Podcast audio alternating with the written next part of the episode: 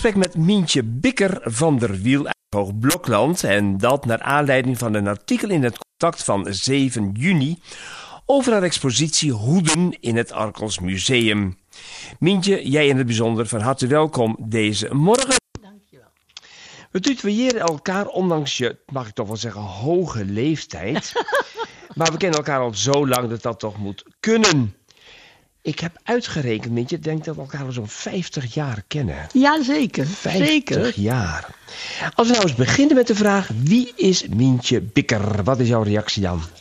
Mientje Bikker is duidelijk Mientje van der Wiel. Ik ben in Werkendam geboren in 1933. Ik was een, een van de vier meisjes van ons gezin en we scheelden met z'n vieren maar vier jaar. Mijn vader had een motorenfabriek in Werkendam en mijn moeder kwam uit het onderwijs van de Biesbos.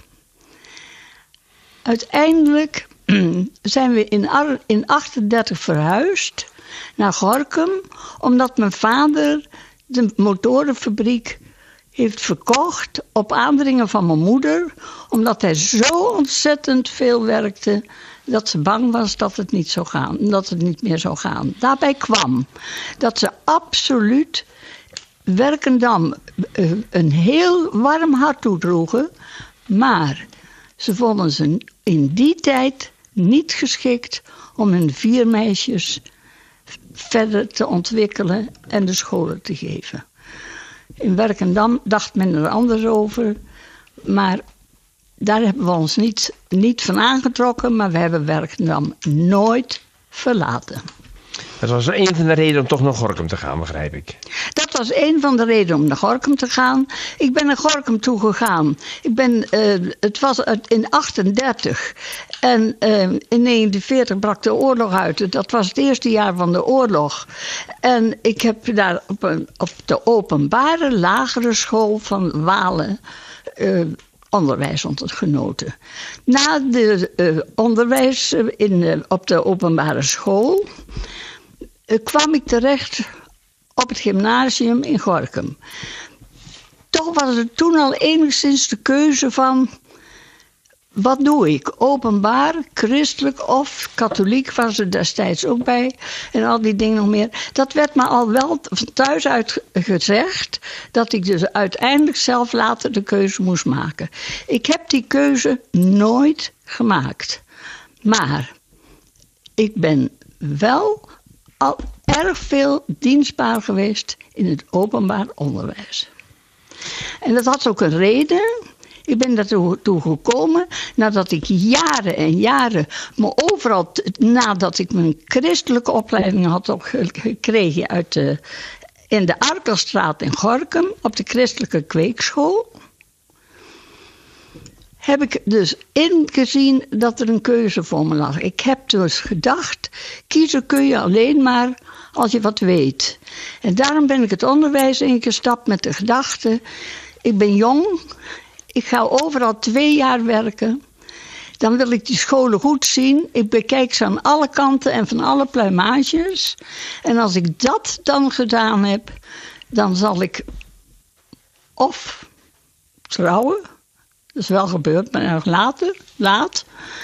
Of ik maak een keuze. En die laatste keuze, die wil ik zijn op een rustpunt waar ik alles wat ik beleefd heb die jaren kan overdenken. Die laatste is hoornaar geworden. De andere jaren, en daar ben ik op de openbare school geland. En niet omdat ik een keuze maakte naar de openbare school. Maar ik had toch wel gezien wat ik wou en wat ik niet wou. En ik, met alle, alle respect voor alle scholen die ik bezocht heb, alle pluimages die ze uiteindelijk eh, hebben laten zien, heb ik toch een voorkeur gekregen. Een voorkeur gekregen, maar niet geen keuze gemaakt voor het openbaar onderwijs. En dat openbaar onderwijs, dat is pas uitgekomen later, toen ik, nu ik ouder ben geworden, denk ik, ik weet waarom. Ik wilde ontzettend graag de kinderen onderwijzen, maar niet in alle vakken. Dus uiteindelijk, je zegt geen keuze gemaakt voor het openbaar onderwijs, ondanks het feit dat je zelf gelovig bent. Maar je bent uiteindelijk wel bij het openbaar onderwijs terechtgekomen. In welke plaatsen ben je onderwijzeres geweest aan de lagere scholen? Ik, ben, ik moet het. Als, het is goed dat ik nog een goed geheugen heb. Ik ben begonnen op de Jan van Arken school in Gorkum. Dat was een school die vlak bij ons huis stond. En daar waren ik dus alle vrienden en vriendinnen. En alle kinderen van de vrienden en vriendinnen ook weer ontmoeten. Dus dat was een, na twee jaar ben ik daar weggegaan. Toen ben ik gegaan naar Hardingsveld. Naar boven Hardingsveld. Daar heb ik twee op de openbare school. Toen ben ik uiteindelijk twee jaar ook in Hardingsveld nog op school geweest. Maar dat was een andere school. Dat was geen openbare school. Toen ben ik naar Delft gegaan. Dat was een enorme volksschool. Dus op, dat was toch openbaar voor iedereen onverdeeld. En in Delft heb ik aan de christelijke muziekschool les gegeven. Ik heb uiteindelijk naailessen gegeven, ook nog in Hillegom. Daar heb, heb ik op een uh, christelijke school gestaan. Maar dat was een, een, een, school van allerlei pluimages. Dat was trouwens ook mijn vooropleiding op het gymnasium. Want kijk, daar was toen geen keuze te maken. Er was maar één gymnasium. Dus dat was gemengd. En dergelijke scholen heb ik ook ondervonden in Zwolle. Ik ben geweest in, in Soest. Ik ben geweest in Zwolle, in, in, even denken hoor, in Zeeland, in Vlissingen. Zo. En ik heb ook nog het gezocht in Limburg, maar daar was ik gauw klaar. Want daar was ik toch waarschijnlijk te openbaar en te weinig rooms-katholiek voor. En ben je overal maar twee jaar geweest? Ik ben overal twee jaar geweest. En er zijn zelfs jaren geweest dat ik uh, zieken heb vervangen. En die waren klein. Dan had ik, uh, dan had ik geen, uh, geen verband van twee jaar vastgelegd. En waarom steeds maar twee jaar dan? Omdat ik, omdat ik me dan voor twee jaar liet. altijd zei: ik wil me maar voor twee jaar laten benoemen. Ehm, ik wist wat ik wilde. Ik, dan had ik toch niet zoveel kunnen zien. Als ik overal op één school blijf, dan, dan kan ik toch niet oordelen wat ik uiteindelijk aan het eind van mijn leven bereikt wil hebben. Ik wilde iets bereikt hebben. En dan als ik, als ik dan aan het eindpunt was, dan wou ik echt, dan zou ik daar mijn rust nemen. Waar heb je uiteindelijk je pensioen gehaald? Welke school was dat? Op de uh, op mijn laatste school. En dat is de, school geweest in Den Bout. De school in Den Bout is over de kop gegaan. Toen werd ik wachtgeldster. Nou, daar, toen hebben ze me overal voor gebruikt. Ze, ze, ze konden me overal voor hebben. Maar toen had ik ineens zo de balen van het hele spul. Terwijl ik met zoveel liefde en plezier nog steeds. Ik ben er zo blij mee dat ik dit altijd zo gedaan heb. Maar het eind was droevig, want het het eind was een grote desillusie. Als wachtgelder word je overal gebruikt en gedaan. En dan moet je ook wel eens dingen doen die je niet wil. Misschien had je zelf liever de leiding over je leven gehad dan die periode. Ik heb, eh, toen ben ik naar huis gegaan en toen ben ik naar mijn man gegaan. En toen zei ik tegen mijn man, als ik het over... We hadden het altijd afgesproken. Uh, hij wou graag boer blijven en boer af zijn. En ik wou absoluut voor de klas blijven staan. Toen zei, hij tegen, toen zei ik tegen hem, als ik het morgen nog zo slecht naar mijn zin heb als ik vanmiddag heb... want ik ben vrij radicaal, dus na een goede overweging... dan ben ik overmorgen thuis hij zei, dat kan je niet maken. Ik zei, daar heb je gelijk in. Ik zal inderdaad mijn drie maanden uit, uitdienen. Want ik was wachtgeldster, dus ik, dat ging uiteindelijk allemaal heel anders. Ik zal mijn tijd uitdienen. Maar ik ga wel naar het gemeentehuis en ik ga vragen of dat ze zo gauw mogelijk een ander wilden zoeken. Want dat het voor mij goed geweest is. En dat er zoveel mensen nog langs de dijk lopen die het graag willen doen. En het veel beter kunnen gebruiken dan ik. Maar misschien wel minder lol erin hebben dan is het afgelopen. Dit is Klokradio. U luistert naar een gesprek met Mientje Bikker uit Hoog Blokland... naar aanleiding van haar tentoonstelling in Arkel. Mientje, ik denk dat je in minder plaatsen hebt gewoond dan dat je onderwijzeres bent geweest. Ik ken jou uit de periode dat je in Hoornaar woonde. Wanneer ben je daar gekomen? In de jaren 60. Jaren 60. En daar heb je gewoond tot 91. 91. Want als ik het zo mag zeggen, op latere leeftijd ben je getrouwd. Heb je het geluk nog gevonden? Jazeker. Met een man uit Noordloos. Mijn man die, die zei dat hij trouwen zou, dat hij pas een vrouw wilde hebben als hij 50 jaar was. En toen botste hij tegen mij op. Nou, Niemand kon het geloven.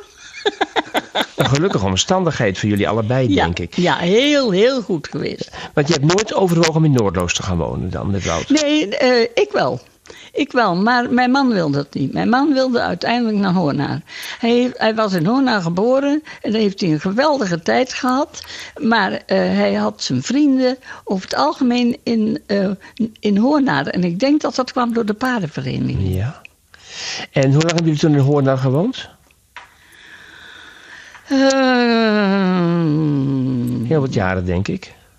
ik denk En toen ben je naar... meer dan twintig jaar. Meer dan 20 jaar, precies. Toen ben je naar. Blokland gegaan. Toen zijn we verhuisd naar Blokland en dat zat in het feit dat mijn man die uit, op een eh, heel gras schaatste, die had zijn heup gebroken.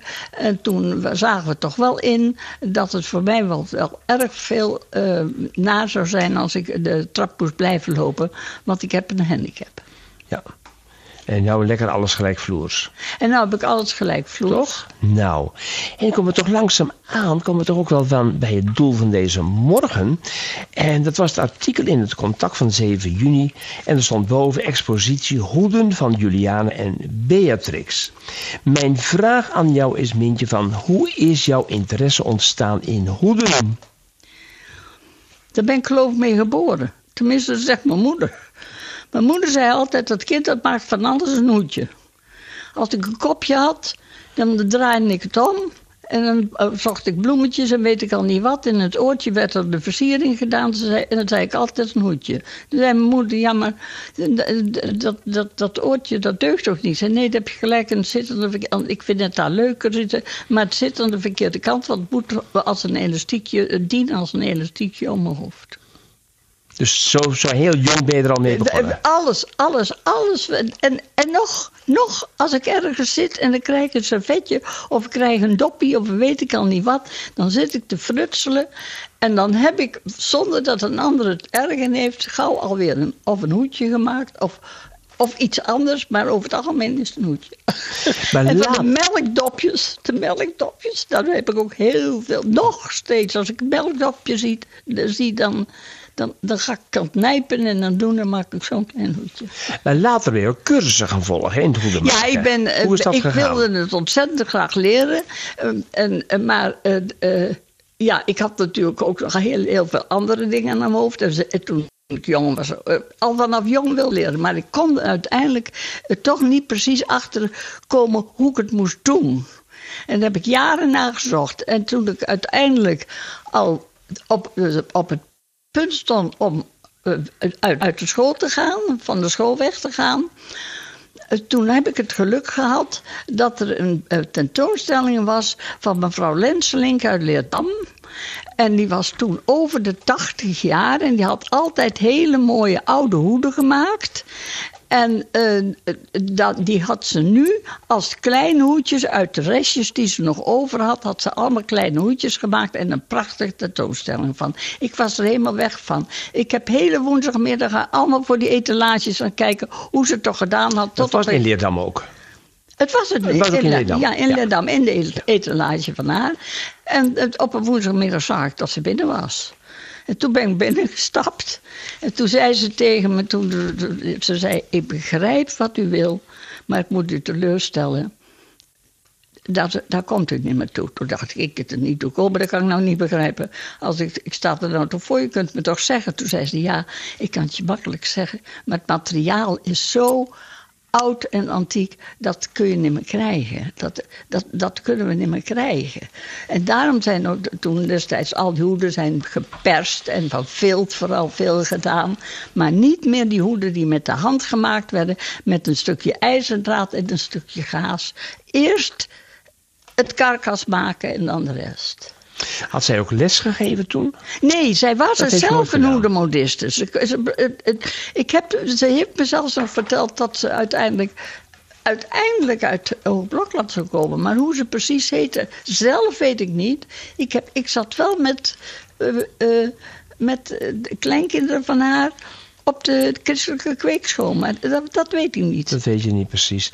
Nou, die kwam dus in Leerdam eerst uit. Dat ging toen naar die door, want die mevrouw zegt... ja, de materialen zijn niet te krijgen. Wat- is er daarna Nou ja, gebeurd? toen kwam ik thuis en toen was ik zo ontzettend teleurgesteld. Maar ik stond toch, ik had toch helemaal al een beetje de onrust van. eh, ga hier, eh, dat, dat, dat wachtgelderschap, dat wordt helemaal niks. En als je dat toch vijf jaar moet doen, dat is allemaal niks.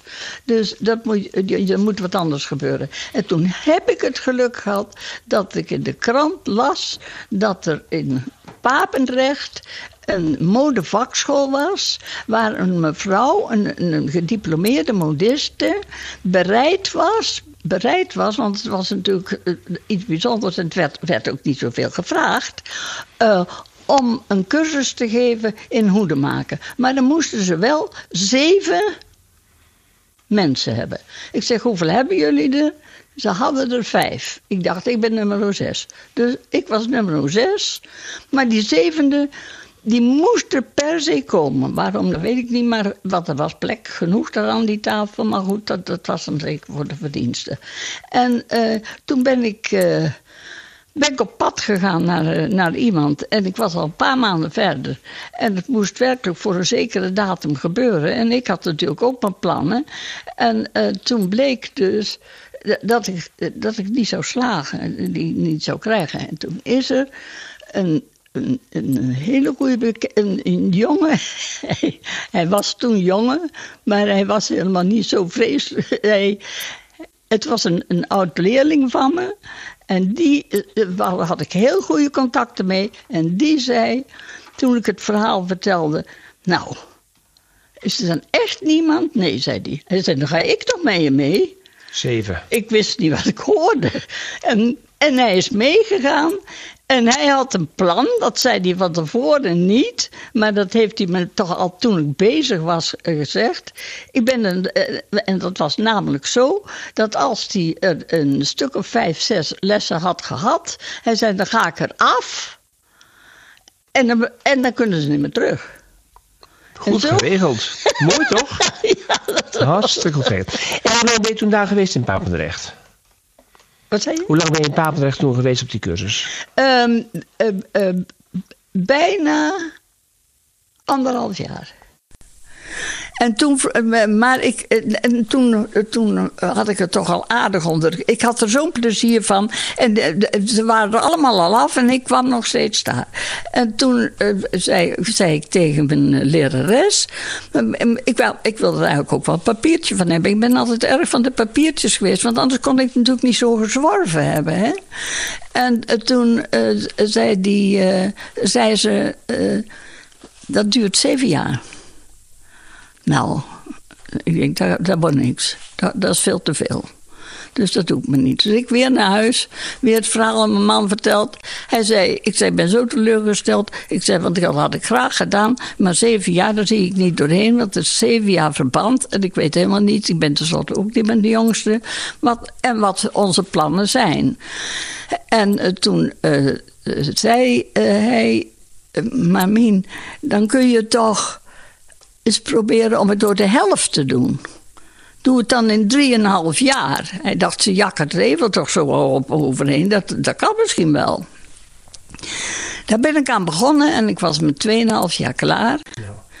En eh, ik had bereikt wat ik bereiken wou. Maar, maar je zei in het begin hè, van, dat die mevrouw Leerdam ook had gezegd van, dat er heel moeilijk materialen was te, te komen. Hè? Toen ben je naar Papendrecht gegaan. Waar kwamen de materialen toen dan Oh, vandaan? mijn, man, die, mijn man zei toen tegen mij: "De- Mien, dat, zal, dat, dat eh, maak je me toch niet wijs. Maar degene die, dat, die de lessen mij aan mij gaf, die wist. Die had er ook nog een hoop van in de, in de kast liggen. En zo wou zij graag van die dingen afkomen. En dat heb ik allemaal overgenomen. Maar dat was natuurlijk niet het enige. Wouter en ik zijn heel Nederland, heel, de wereld doorgegaan. Overal waar we kwamen en dachten van daar is een hoed van te maken en daar van hoed te maken. Ik heb een garage vol met spullen nog. Dus die horen niet bij, bij de erfenis. Maar die, die zullen zomaar ergens verdwijnen. Ik hoop altijd nog iemand te vinden die het erg graag doet. Die kan het voor niks meenemen. Nou, komen we straks misschien nog wel even over te praten. Kun je iets zeggen uh, over de techniek die je daar geleerd hebt? Ja, ik heb, uh, ik heb het geleerd met gaas. Het, het hoofd, de hoofdartikelen waren een soort gaas. En uh, dat was of van stro. echt dingen die die je dus kon vormen. Het waren eigenlijk stijve lappen. Maar, en het, werd ook vooral gedaan met ijzerdraad. Dat materiaal heette etamine. En het, het ijzerdraad omwikkelen, dat heette letan. En daar maak ik de hoeden van. En dan, ik heb het in de krant geloof ik ook, ook zien staan. Je kunt met mijn goede voetballen. Maar dan geef ik ze niet vooraf. Dat bedoel ik. In Arkel is een tentoonstelling van jouw hoeden in het Arkels Museum. Je hebt heel lang in Hoorna gewoond, nu in Hoogblokland en de tentoonstelling is in Arkel. Waarom Arkel? Omdat Arkel uiteindelijk de enige plaats is in de, in de omtrek waar ik mijn hoeden werkelijk veilig vind als ik er niet meer ben. Noorderloos heeft geen plaats. Hoogblokland ook niet, komen ze niet tot hun recht. En in uh, Arkel is een heel mooi museum. Wat over de streek gaat, over Arkel gaat. En, en waarvan ik ook zeker weet dat ze mijn hoeden zullen behoeden. Waar komt het initiatief vandaan? Bij jou of bij, van iemand bij het museum? Nee, nee. nee. Het, het, het, het, het initiatief komt van, uh, van de vrouw van Iets van Dalen uit Arkel. En want die heeft bij mij in de klas gezeten op de christelijke kweekschool. Ook op de openbare school zaten we samen. Gingen we ook allebei naar de christelijke kweekschool.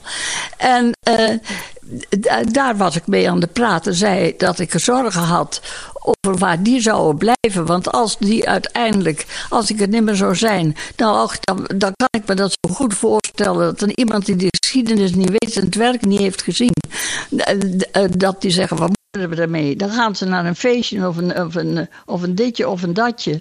Ze gaan er inderdaad mee voetballen. En daar heb ik ze niet voor gemaakt. Ik, het zijn duidelijk, duidelijk stukken die een, uh, voor mij echt dierbare erfstukken zijn. En ik heb ze dus daar weet ik dat ze zo goed verzorgd zijn. Daar is zo'n mooi museum. En dat hebben ze zo. Het ligt zo afgelegen. Niemand heeft het zo in de gaten. Maar het is een prachtmuseum met, met mensen die erachter staan en die er ook verstand van hebben. Donderdagmorgen zijn we wezen kijken. Ik heb, ik heb echt mijn ogen uitgekeken, kan ik eerlijk zeggen. Ik vond het geweldig. En dan de verhalen erbij. Maar er staan er 40 tentoongesteld. Je hebt er veel en veel meer. De 40 die er nu staan, hè? Hoe, hoe, tentoongesteld staan. Hoe zou je die omschrijven? Nou, het is een selectie die ik, een selectie die ik gemaakt heb. Hè? Uh, de hoeden. Ik, ik ben, er zijn hoeden bij die werkelijk uh, precies waarvan het, het, model is duidelijk ergens vandaan. Dus ik zag een plaatje of ik kreeg een hoed in mijn hand van iemand. En dan dacht ik, die ga ik maken. Dan heb ik de hoed weggelegd. Ik wist precies wat ik wilde.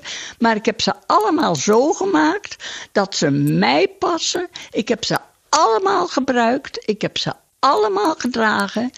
En ik, uh, ik heb ze dus afgemaakt voor mezelf.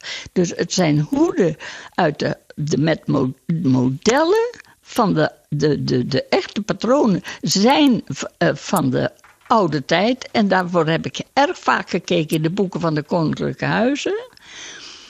Maar ze zijn opgemaakt voor mijn gezicht en mijn maat en mijn willen. Ik heb ook een aantal hoeden gezien die typisch voor Alberse Waard zijn geweest. Hè? Ja, er zit een, een, een rouwhoedje bij. En dat is uh, gedragen door de familie van mevrouw Schep. In, uh, in, in, die heeft op Lagerveld gewoond. En ik heb ook een, een hoedje gemaakt.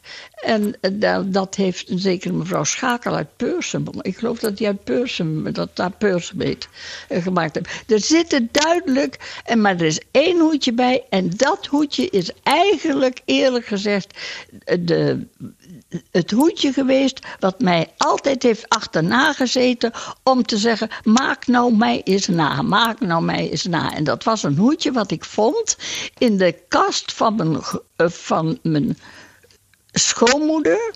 En dat was een hoedje uit, van voor 1900. En dat werd gedragen door de familie Tukker. Door, ja, door de familie Tukker uit Giesenburg. En dat hoedje, dat heb ik helemaal nagemaakt. En dat, uh, dat had ook zelfs een, een kralen rand. En die kralen rand die kun je natuurlijk heel makkelijk op visdraad gaan uh, rijgen. Maar het hoedje was dat, dat uh, hoedje, daar waren de kraaltjes geregen op ijzerdraad. En dat heb ik inderdaad op ijzerdraad zitten rijgen. En dat is het hoedje geweest wat me de meeste, de allermeeste uren heeft gekost. Maar mijn dierbaarste is en het mooiste. Nou is het zo. En ze noemen het een achterovertje. Het werd achter op het hoofd gezet om de mutsen van voren rijkelijk uit te laten komen. En dat verhaal, hoe dat het nou komt dat ze daar een muts en een, en een hoedje hebben, dat is nog weer apart. Maar ik weet niet of ik nog de tijd heb om dat jullie te vertellen. Maar je bent pas in je negentigste levensjaar, dus dat, dat zou nog kunnen dan. Nou, dat kan ik nou daar nog een keer, oh, daar komen we nog een keer op terug dan misschien. Maar ik herinner me dat je zei van, de hoedjes zijn gemaakt en rekening mee houden met de haardracht van de mensen. Je hebt zelf ja. prachtig lang haar. Ja, maar ik had toen een hele grote tot. En die dot, die, die, die werd ook in, daar werd rekening mee gehouden met die oude hoedjes natuurlijk, die in de koets werden gedragen. Dat zijn, je had aparte reishoeden. Je had uh, uh, aparte kerkhoedjes.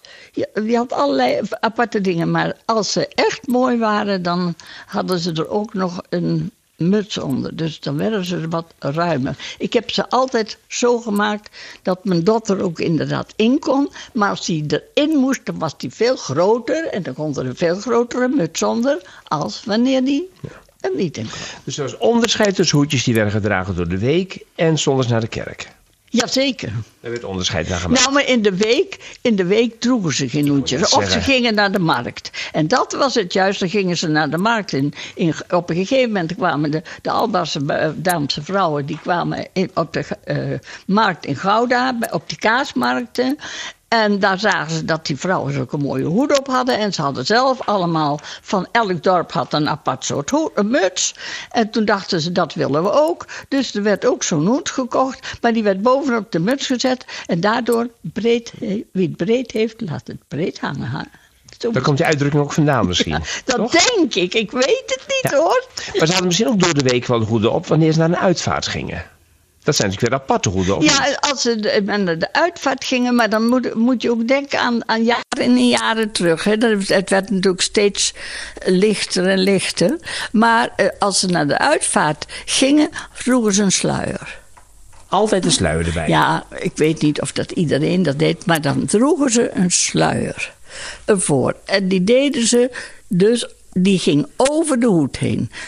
En als de, de, eenmaal de rouwtijden waren, en dan was het zware rouw, lichte rouw en weet ik al niet wat, dan werd die sluier eraf gehaald en dan deden ze het toch, als ze naar de kerk gingen in die tijd, met alleen het hoedje. Die sluier het was een los. hoedje wat om met een, met een lint onder de, onder de kin ging. Ja. Meestal die hoeden. Precies, maar een losse sluier, dus dat hij steeds vervangen en Maar ik heb, toen, ik heb het, het ook wel eens gedragen. Um, maar ik, zou het, ik heb het nooit de sluier over de hoed gedaan. Ik heb hem eronder gedaan, want dan moet je toch niet weg. Het, het eerste hoedje wat je gemaakt hebt, ligt dat daar nu ook?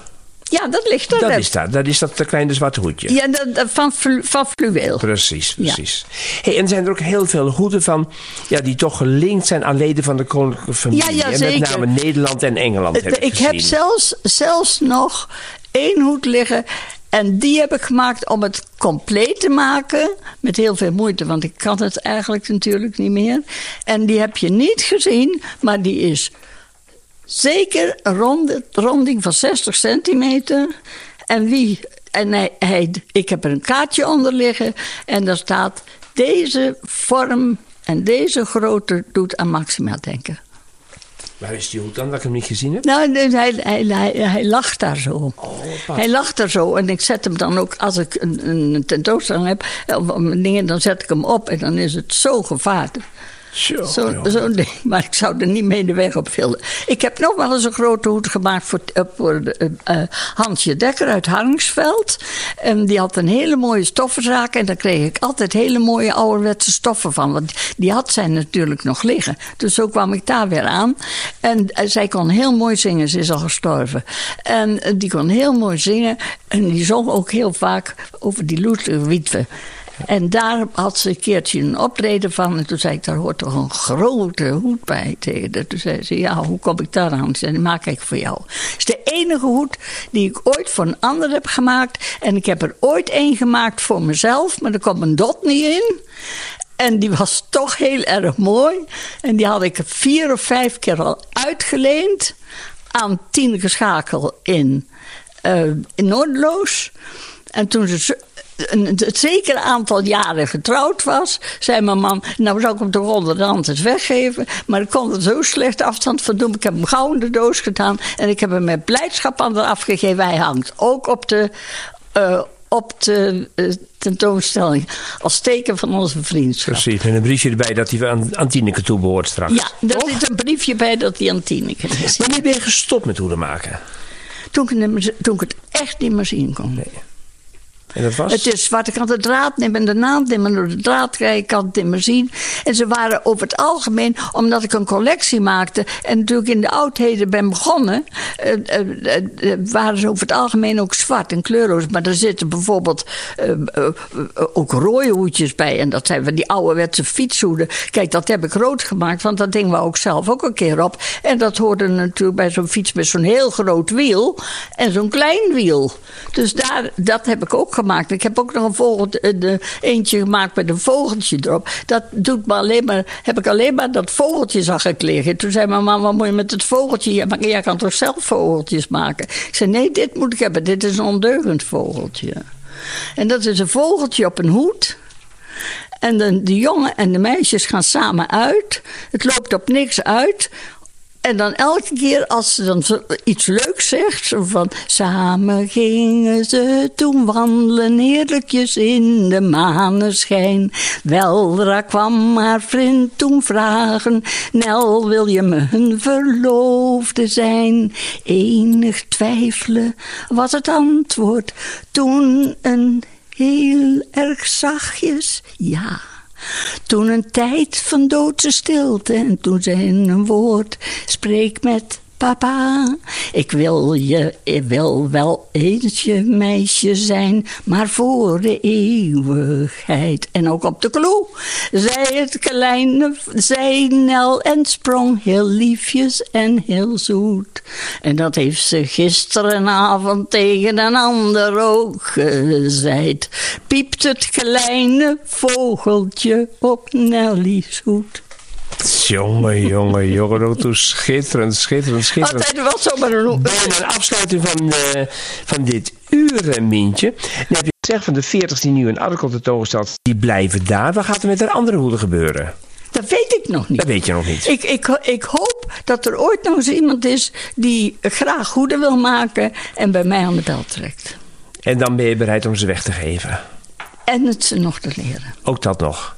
Want dat kun je nog wel. Je kan het zelf moeilijk zien. Natuurlijk, als ik het niet zelf hoef te doen. Je Ik kan- kan ook zien of het netjes gedaan is. Dat kan ik nog net zien. Ja. Is het moeilijk om dit, dit is een soort levenswerk van je geworden.